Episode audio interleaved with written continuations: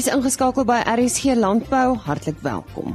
Op vandag se program ons gesels oor grensheininge. Ja, daar's dikwels ongelukkigheid tussen bure oor die oprigting of opgradering van grensheininge en ons hoor wat die wet te sê het. En dan het u geweet dat Israel en Suid-Afrika en landbou heelwat in gemeen het en ons punt so 'n bietjie meer uit daaroor vanoggend. RC Landbou word vandag aangebied met die komplemente van Standard Bank.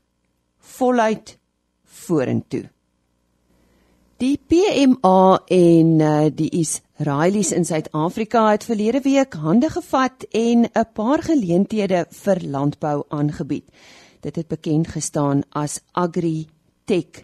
Ek het een van hierdie geleenthede bygewoon en uh, onder andere daar met Lindie Stroebel gesels van PMA as ook die handel en beleggingskommissaris by die Israeliese ambassade in Suid-Afrika.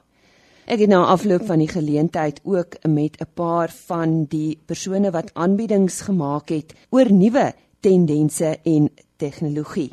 Eers dan die woord vir oggend om te verduidelik waarom hierdie platform die hoofbestuurder van PMA in Suidelike Afrika, Lindie Stroebel. Essensieel het ons nou die besighede wat deel is van netwerke um vir een doel en dis om meer inligting bymekaar te kry. So dis hoekom die PMA hierso in Suid-Afrika of Suidelike Afrika, um saam met die Israel Trade Office soos hulle dit self hulle self noem, um het ons 10 maatskappye van Israel gebring wat hierso vir ons kan deel oor die inligting. Nou, soos ons weet die Israelies is baie hulle is die die frontrunners soos in Engels sê, um op tegnologie spesifiek oor um die intelligensie inligting en die die die 4de industriële revolusie ehm um, wat ons almal nou so baie oor praat is hulle regtig die ouens wat die inligting en die tegnologie vir ons bring. So dit was 'n sessie gewees wat ons basies nou saam met hulle gehou het om daai maatskappye na ons boere toe te bring in 'n netwerk en 'n uh, platform waar hulle dan vra kan vra, hulle kan ehm um, gesels, hulle kan kontakte opbou en dalk besigheid vir die toekoms ehm um, doen. En hoeveel soortgelyke sessies is daar? Ons ons het 3 gehou. Ehm um, een in Pretoria, een in Polokwane en een in Stellenbosch sodat ons al die streke kan dat ons die tegnologie na hulle toe kan vat en dit gemaklik vir hulle kan maak om dit te kan bywoon. Dit was aan die stem van Lindie Stroebel, die hoofbestuurder van PMA in Suidelike Afrika. Amit Lef is die handel en beleggingskommissaris by die Israeliese ambassade. Hy verduidelik wat Suid-Afrika en Israel by mekaar kan leer. I think that um, one of the leading sectors in Israel today uh, is the agriculture. I think there is a lot of spin-off from other sectors that like big data and drones that started in different sectors and now are getting to the to the agriculture and we see more and more investments in this field. So in general, this is a very hot topic in Israel. Now, South Africa has a very unique uh, character uh, for for being a landscape for for Israeli startups because first um, this you have the know-how and the knowledge and the landscape um, to take the, the small niche technologies and to make them more you know available for, for big scale farming. And those are the farmers that the Israeli technologies are meant to be. Um, the second one is also we need to remember that it's a seasonal market. So basically the, the, the competition here is not against all of the world it's just over the southern hemisphere. So it's basically only Australia I would say. So agricultural startups in Israel that they work in seasons. They go maybe they go to the states and Europe, but then they need to follow up to the next market, and this is South Africa for them because this is the place that you know it's it's upside from the from the seasonal, and they have here the knowledge and the know-how and the appreciation for the Israeli technologies. What do we have in common with Israel? I think we're both countries with scarce of water, and I think you know there's a lot of uh, collaborations and R&D uh, that were in the past, and also we see strong trade uh, between Israel and South Africa. Um, 25% of all the trade that are coming from Israel to Africa is to South Africa. It's the biggest country uh, in terms of like a trader, uh, trade uh, ally, and and we see South Africa as the gate, you know, to the rest of the continent. We see Africa as a gate to go in and to learn the business model, to learn the pricing model, and to take it further to the rest of the of the continent. We see really as, as South Africa as a springboard for the for the other countries here. die handel en beleggingskommissaris by die Israeliese ambassade in Suid-Afrika, Amit Lef. Die Israelies is natuurlik leiers as dit kom by tegnologie en water. En een van die aanbiedings was oor 'n watersensor wat in die stam van 'n boom geplaas word. Dit staan bekend as stem water irrigation sensors. Kom ons luister waaroor dit gaan. Well, the need is to irrigate our plants only when and the uh, in the time and the amount they need, not to over irrigate because then we are spending our money and water, not to under irrigate because then we are not uh, enjoying the full potential of our uh, orchard. So when we measure the water potential inside the tree, we are actually measuring how hard the plants are working in order to bring up water from the soil to the tree. And obviously, as the tree is working and investing more energy in taking water from the soil to the leaves, he is investing energy in this instead of investing energy in growing more uh, fruit and larger fruit and more sugar in our fruit. So you showed us what this sensor looks like. Where do you put this sensor? We, we actually put it inside the trunk, so about five millimeters deep inside of the trunk because farmers tend to uh, be a little bit frightened when they hear that we are uh, putting some drilling inside their trees. So no, we are speaking about a very little hole, about 12 millimeters of diameters and only 5 millimeters deep into the trunk. So we have never seen any damage uh, being done to the uh, to the trees.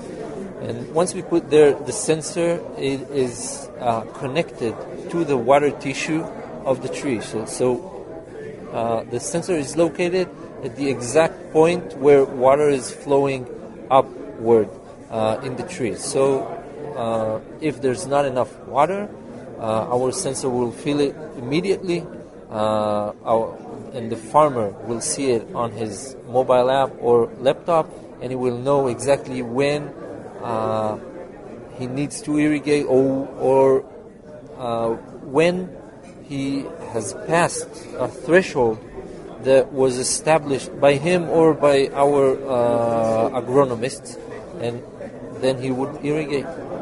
So the, the data that the farmer receives is part of a bigger technology. It's, it's, it's on an app. How do they process the data?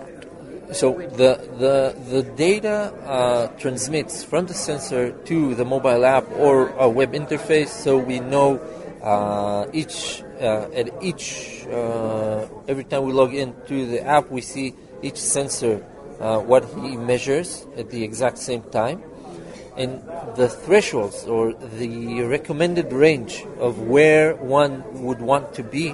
Uh, we take it from years of experience, not of us, not of our sensor, because the measurement of the stem water potential is being done by farmers, leading farmers in Australia and Israel uh, and Spain for years.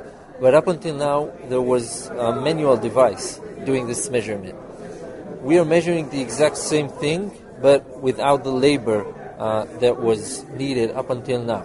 So, so the recommendations is not based on my knowledge uh, of being an agronomist for 10 years or not the, the, the company. The knowledge and the recommendations are based on many decades of measuring stem water potential. We have only changed the, the method of measuring the same uh, physiological parameter.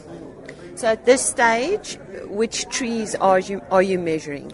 Uh, today we are commercial in uh, citrus, almonds, and apples, and we aim at uh, being commercial. Uh, we, I will say like this: we are doing R&D today in avocados, cherries, peaches, nectarine, I think walnuts. Uh, I don't know if you grow walnuts in, in South Africa. I think that's about it for now.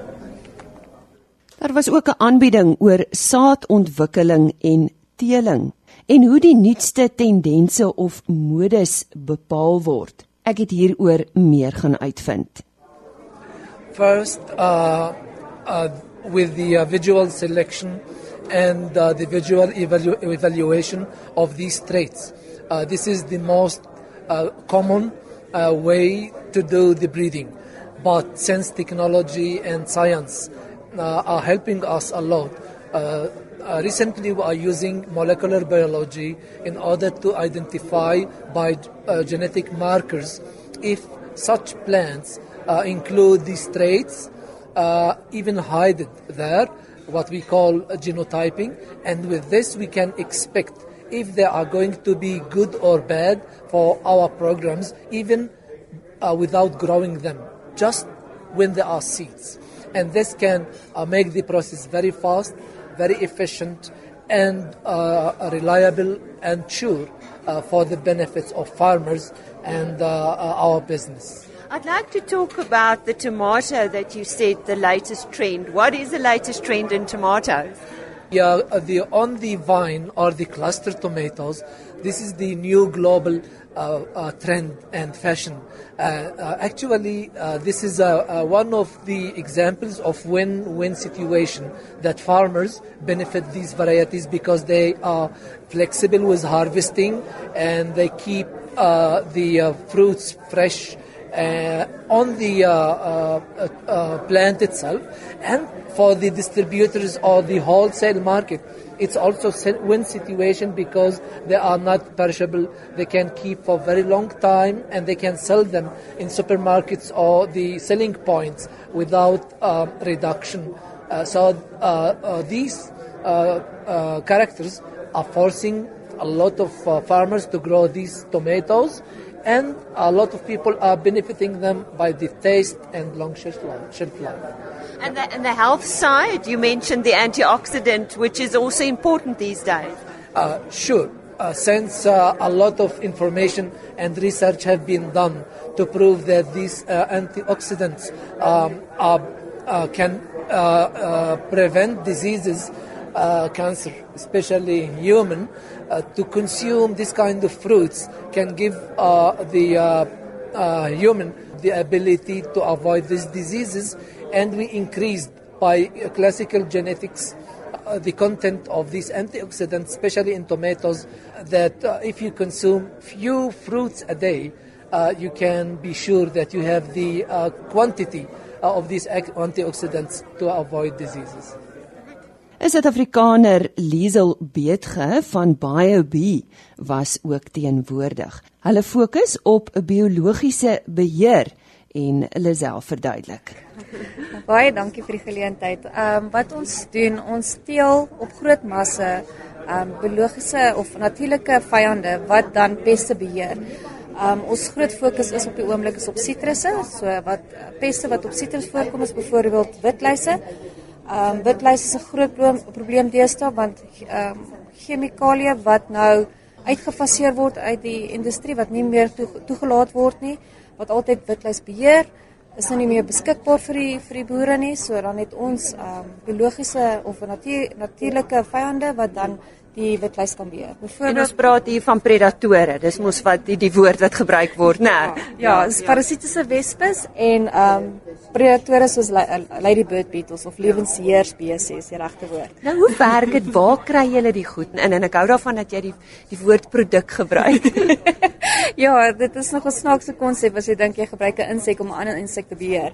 Ja. Maar ehm um, wel die maatskappy is omtrent 13 of 20 jaar in Suid-Afrika en die insekte wat ons het is ehm um, is ingevoer van Australië byvoorbeeld, die lewensheer spesies Cryptolemus montroseri is 'n ehm um, is ingevoer van Australië wat nou witluis beheer en dan die parasitiese wespes is eintlik uh, 'n parasitiese wespe wat lokaal voorkom wat ons nou uitgeken het en dan um, weer proewe wat ons gedoen het gesien het dat hierdie 'n baie goeie effektiewe produk sal wees om witluis te kan beheer. nou ons weet daar's op 'n oomblik 'n probleem met vergroeningssiekte en jy het so vinnig daarna verwys. Ja, die ehm um, vergroeningssiekte ehm um, die Asian psyllid wat nou Suid-Afrika besig om uh, in Suid-Afrika of is eintlik in die grense van van Suid-Afrika en dit is definitief iets wat ehm um, wat ons baie wat ons bekommerd want dit kan woorde vernietig deur die vergroenings uh, virus wat dit kan oordra. Daar is 'n biologiese beheer uh, wat ons nou soek om die die um, selle te beheer, maar ons doen nog navorsing daarop. Wat wat dit maklik is is dat die biologiese beheer of die natuur natuurlike um, vyande nie 'n 10 jaar siklus het nie. Jy moet ook hier 'n produk registreer um, wat nou 'n bietjie langer vat, maar wat wat dit makliker maak is dat jy het basies 'n verskillende proewe wat jy doen in verskillende areas om te kyk of die of die uh, natuurlike ehm uh, vyand kan werk en dan kan 'n mens dit gebruik en dit op groot skaal begin produseer en dan dit as 'n produk kan gee as vir die kliënte. Nou as jy nou biologiese beheer toepas en ek dink baie van ons vra die vraag as ek nou daai produk gebruik, hoef ek glad nie chemiese beheer toe te pas nie. Is dit die geval? Want ek en, en ek het gehoor jy verwys daarna dat jy hand aan hand werk dan. Ja, ons doen 'n geïntegreerde program, so daar is sekere um insekte wat ons nog nie kan beheer met uh, met natuurlike vyande nie, soos blaaspootjie voor byvoorbeeld. Blaaspootjie is 'n wêreldwye probleem op alle gewasse en op die, daar is uh, produkte op se, op sekere gewasse wat um, of of 'n biologiese beheer wat op sekere gewasse werk, maar op byvoorbeeld sitrus het ons nie 'n biologiese beheer wat werk nie. So daar dis moet ons dan nog chemie gebruik om daai blaasbootjie te beheer. Nou julle is daar in Limpopo en Letsitele en ons weet natuurlik wat se tipe wêreld daai is. Op watter uh, gewasse fokus julle tans hoofsaaklik? Jy het nou van sitrus gepraat, maar wat nog? Ons fokus ook op wingerde en dan ehm um, soetrussies, baby marrows. Ons is ook nou in die in die arbei ehm um, bedryf wat ons wil ook intree in die Kaap veral en en dan ook in die appels en die pere gewasse wat ons ook na kyk na om te kyk of ons biologiese beheer en hulle kan ook kan toepas. En julle uitbreidingsmoontlikhede, jy het ook aan ons verduidelik waarom dit nodig is vir julle om uit te brei. Ja, kyk, um, soos ek sê, MRL raak meer en meer 'n probleem. As die minimum residue um, vlakke op op die vrugte wat jy moet kan wat jy kan uitvoer, raak al minder want al die uh byvoorbeeld e-, Europa dit is baie streng met die met die um, chemiese residue vlakke wat op die vrugte toelaatbaar is. So as gevolg van dit word daar meer druk op die um, boere toegepas om minder te spuit en dus is daar meer uh, moontlikhede vir biologiese beheer. Dit is aan Liesel Beetge van BioB wat gepraat het oor die biologiese beheer en die ontwikkeling in daardie veld. Grensheinings kan soms baie ongelukkigheid en ongemak tussen bure veroorsaak en ons gesels ver oggend met Petrus van der Walt van VDT Prokureurs oor grensheinings en wat die omheiningswet hieroor te sê het. Nou Petrus, goeiemôre. Sê eers vir ons watter reëls en regulasies is daar wat grensheinings betref? Alisa, ja, grensheinings is 'n baie belangrike bate vir boere. Dit dien 'n verskeidenheid funksies, dit baak in die grondgebied af, dit perk vee in en hou oortreders buite. Hierdie bate het egter ook die baie interessante eienskap dat dit gelyktydig aan meer as een persoon behoort Daarom is die meeste boere goed vertroud met die spreekwoord goeie heininge maak vir goeie bure. Grensheininge veroorsaak dikwels 'n groot kopseë vir boere en skep sensitiewe situasies tussen buurmanne, veral wanneer die een koste van 'n ander wil verhaal vir die oprigting of herstel van 'n gemeenskaplike grensskeiding. Daarom het die wetgewer dit goed gedink om die omheiningswet op die boeke te plaas. Hierdie stuk wetgewing reël die regte en verpligtinge van grondeienaars met betrekking tot grensskeidings. Nou dit is baie belangrik om daarop te let dat hierdie wet slegs van toepassing is op erwe wat groter is as 2.2 hektaar en een is van 'n aantal aangrensende grondstukke waar daar geboer word. Verder is dit ook van van selfspreekend dat hierdie wet grootendeels ook net van toepassing is op gemeenskaplike grensskeidings. Dit is heininge wat gedeeltelik op die grondstukke van beide buureienaars opgerig is. Die oorgrootste meerderheid van die saak wat grensheininge betrek, handel met die verpligting van buureienaars om by te dra tot die koste van omheining en die sogenaamde akkoordheininge Akkoordheininge is heininge wat as gevolg van natuurlike strukture nie direk op die munisipale grensskeiding gebou kan word nie, en eerder 'n alternatiewe roete waarop die buureienaars ooreengekom het volg. Kan 'n boer verplig word om by te dra tot die oprigting of opgradering van 'n grensheining op sy eiendom? Elise, hierdie vraag tree baie na vore uh, met betrekking tot grensheinings. Die boere wil dikwels weet of hulle 'n buurman kan vra om 'n bydrae tot die oprigting van 'n gemeenskaplike grensskeiding kan eis en dan indien wel hoeveel van 'n bydrae kan hulle eis. Die omheiningswet maak 'n duidelike onderskeid tussen gebiede waar dit verpligtend is om by te dra tot omheinings en gebiede waar dit nie noodwendig verpligtend is nie. Dat die minister van landbou kan areas waarin beë verplig word om by te dra tot die koste van grensheininge te proklameer. Uh dit is baie belangrik vir boere om te kyk of hulle in so 'n gebied is. In 'n gebied waar sulke bydraes nie verpligtend is nie, kan 'n buurman wel verplig word om by te dra tot die oprigting van 'n grensheining um, in die mate waartoe hy die heining tot sy voordeel kan gebruik en dan natuurlik ook slegs as hy voordeel uit die heining kan gebruik. Volgens die wet moet elke buurman dan 'n proporsionele bydrae lewer tot die oprigting of opgraderingskoste. Gewoonlik moet elke buurman bydra tot die helfte van die koste, maar natuurlik tree meer ingewikkelde situasies na vore waar 'n buurman nie soveel voordeel as halfte van die voordeel uit die heining uittrek nie en dit is die basis vorm vir 'n verdere geskil. Nou as 'n boer beoog om 'n grensheining op te rig, wat wat moet hy doen om 'n bydrae van sy buurman te kan eis? Lise, boere wat heininge in gebiede wil oprig waar 'n bydraesverpligting wel bestaan, moet ag daarop slaan dat hy nie bloot 'n heining kan oprig en dan 'n bydrae van sy buurman kan eis nie. 'n Eienaar wat beoog om 'n grensheining op te rig in 'n area waar bydraes verpligtend is, moet sy bure steeds skriftelik in kennis stel van sy voorneme om 'n grensheining op te rig. Hierdie kennisgewing moet aandui wat die aard van die heining gaan wees, byvoorbeeld dat dit 'n wilds of 'n jakkalsheining gaan wees. Verder moet die kennisgewing ook die beraamde koste van die heining aandui en ook aandui watter bydrae die kennisgewende boer van sy buurman verwag. Die buurboer wat so 'n kennisgewing ontvang, moet egter dadelik in aksie spring. Hy moet of beswaar maak teen die voorgenome spesifikasies en kostes, of 'n teenvoorstel maak en poog om 'n ooreenkoms te bereik met sy buurman, of hy kan net toegee tot die kennisgewing en bydra tot die oprigtingskoste.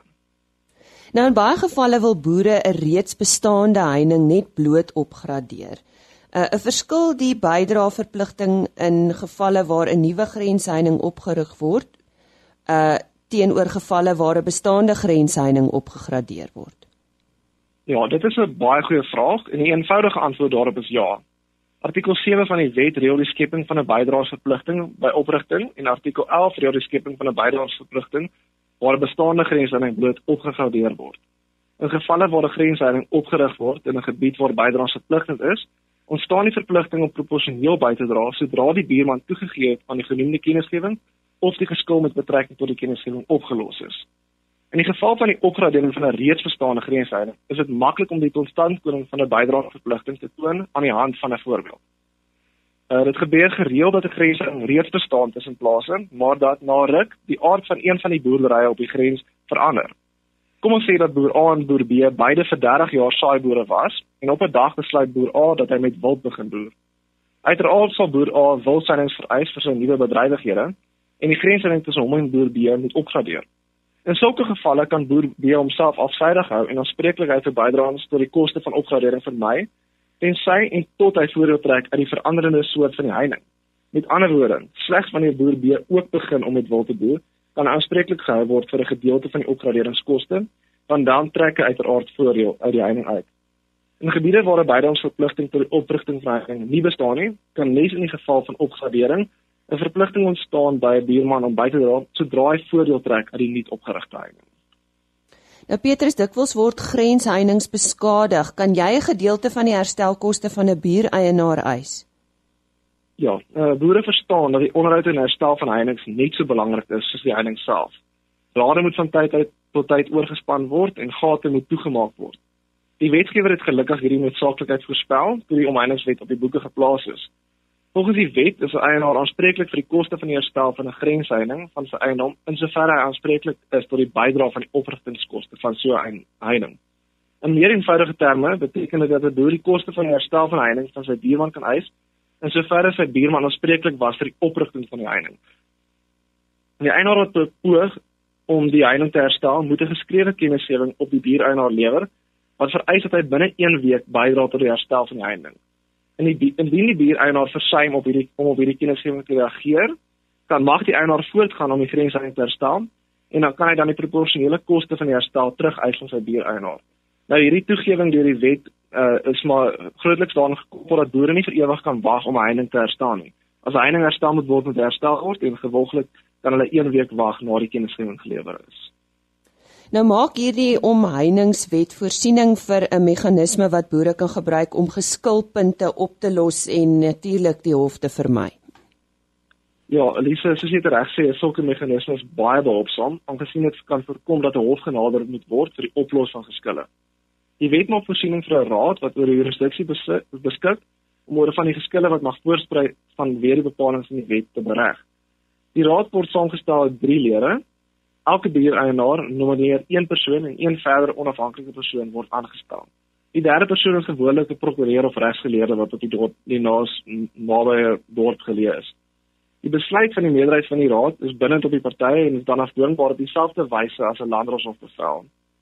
Die beslissing van die raad kan egter deur enige een van die betrokke partye op hersiening geneem word by die landdroshof en verder kan die landdroshof se beslissing ook op geappeleer word. Laastens wil ek ook net noem dat die partye die hof direk kan nader vir 'n bevel en hulle voel dat so 'n raad nie die nie hul geskil behoorlik sou kan oplos nie.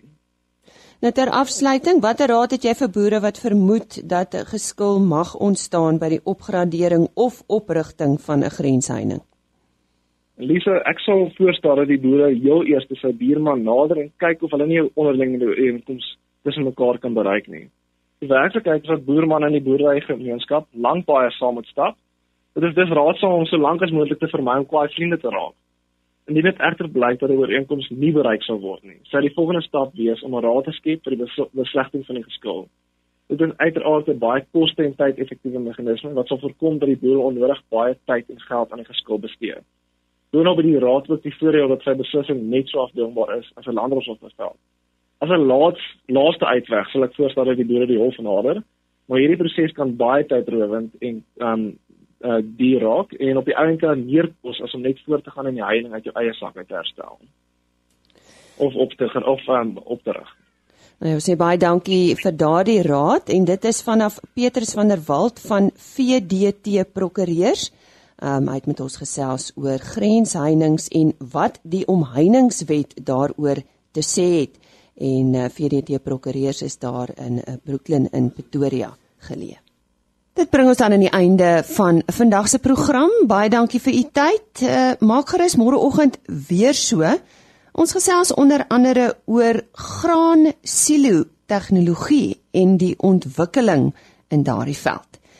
Vandag se RC landbou program is aangebied met die komplemente van Standard Bank. Voluit vorentoe. Onthou, sluit gerus môreoggend net so skuins na 05:30 weer by ons aan. Totsiens. RSG Landbou is 'n produksie van Plaas Media. Produksieregisseur Henny Maas. Aanbieding Lisa Roberts. En inhoudskoördineerder Jolandi Root.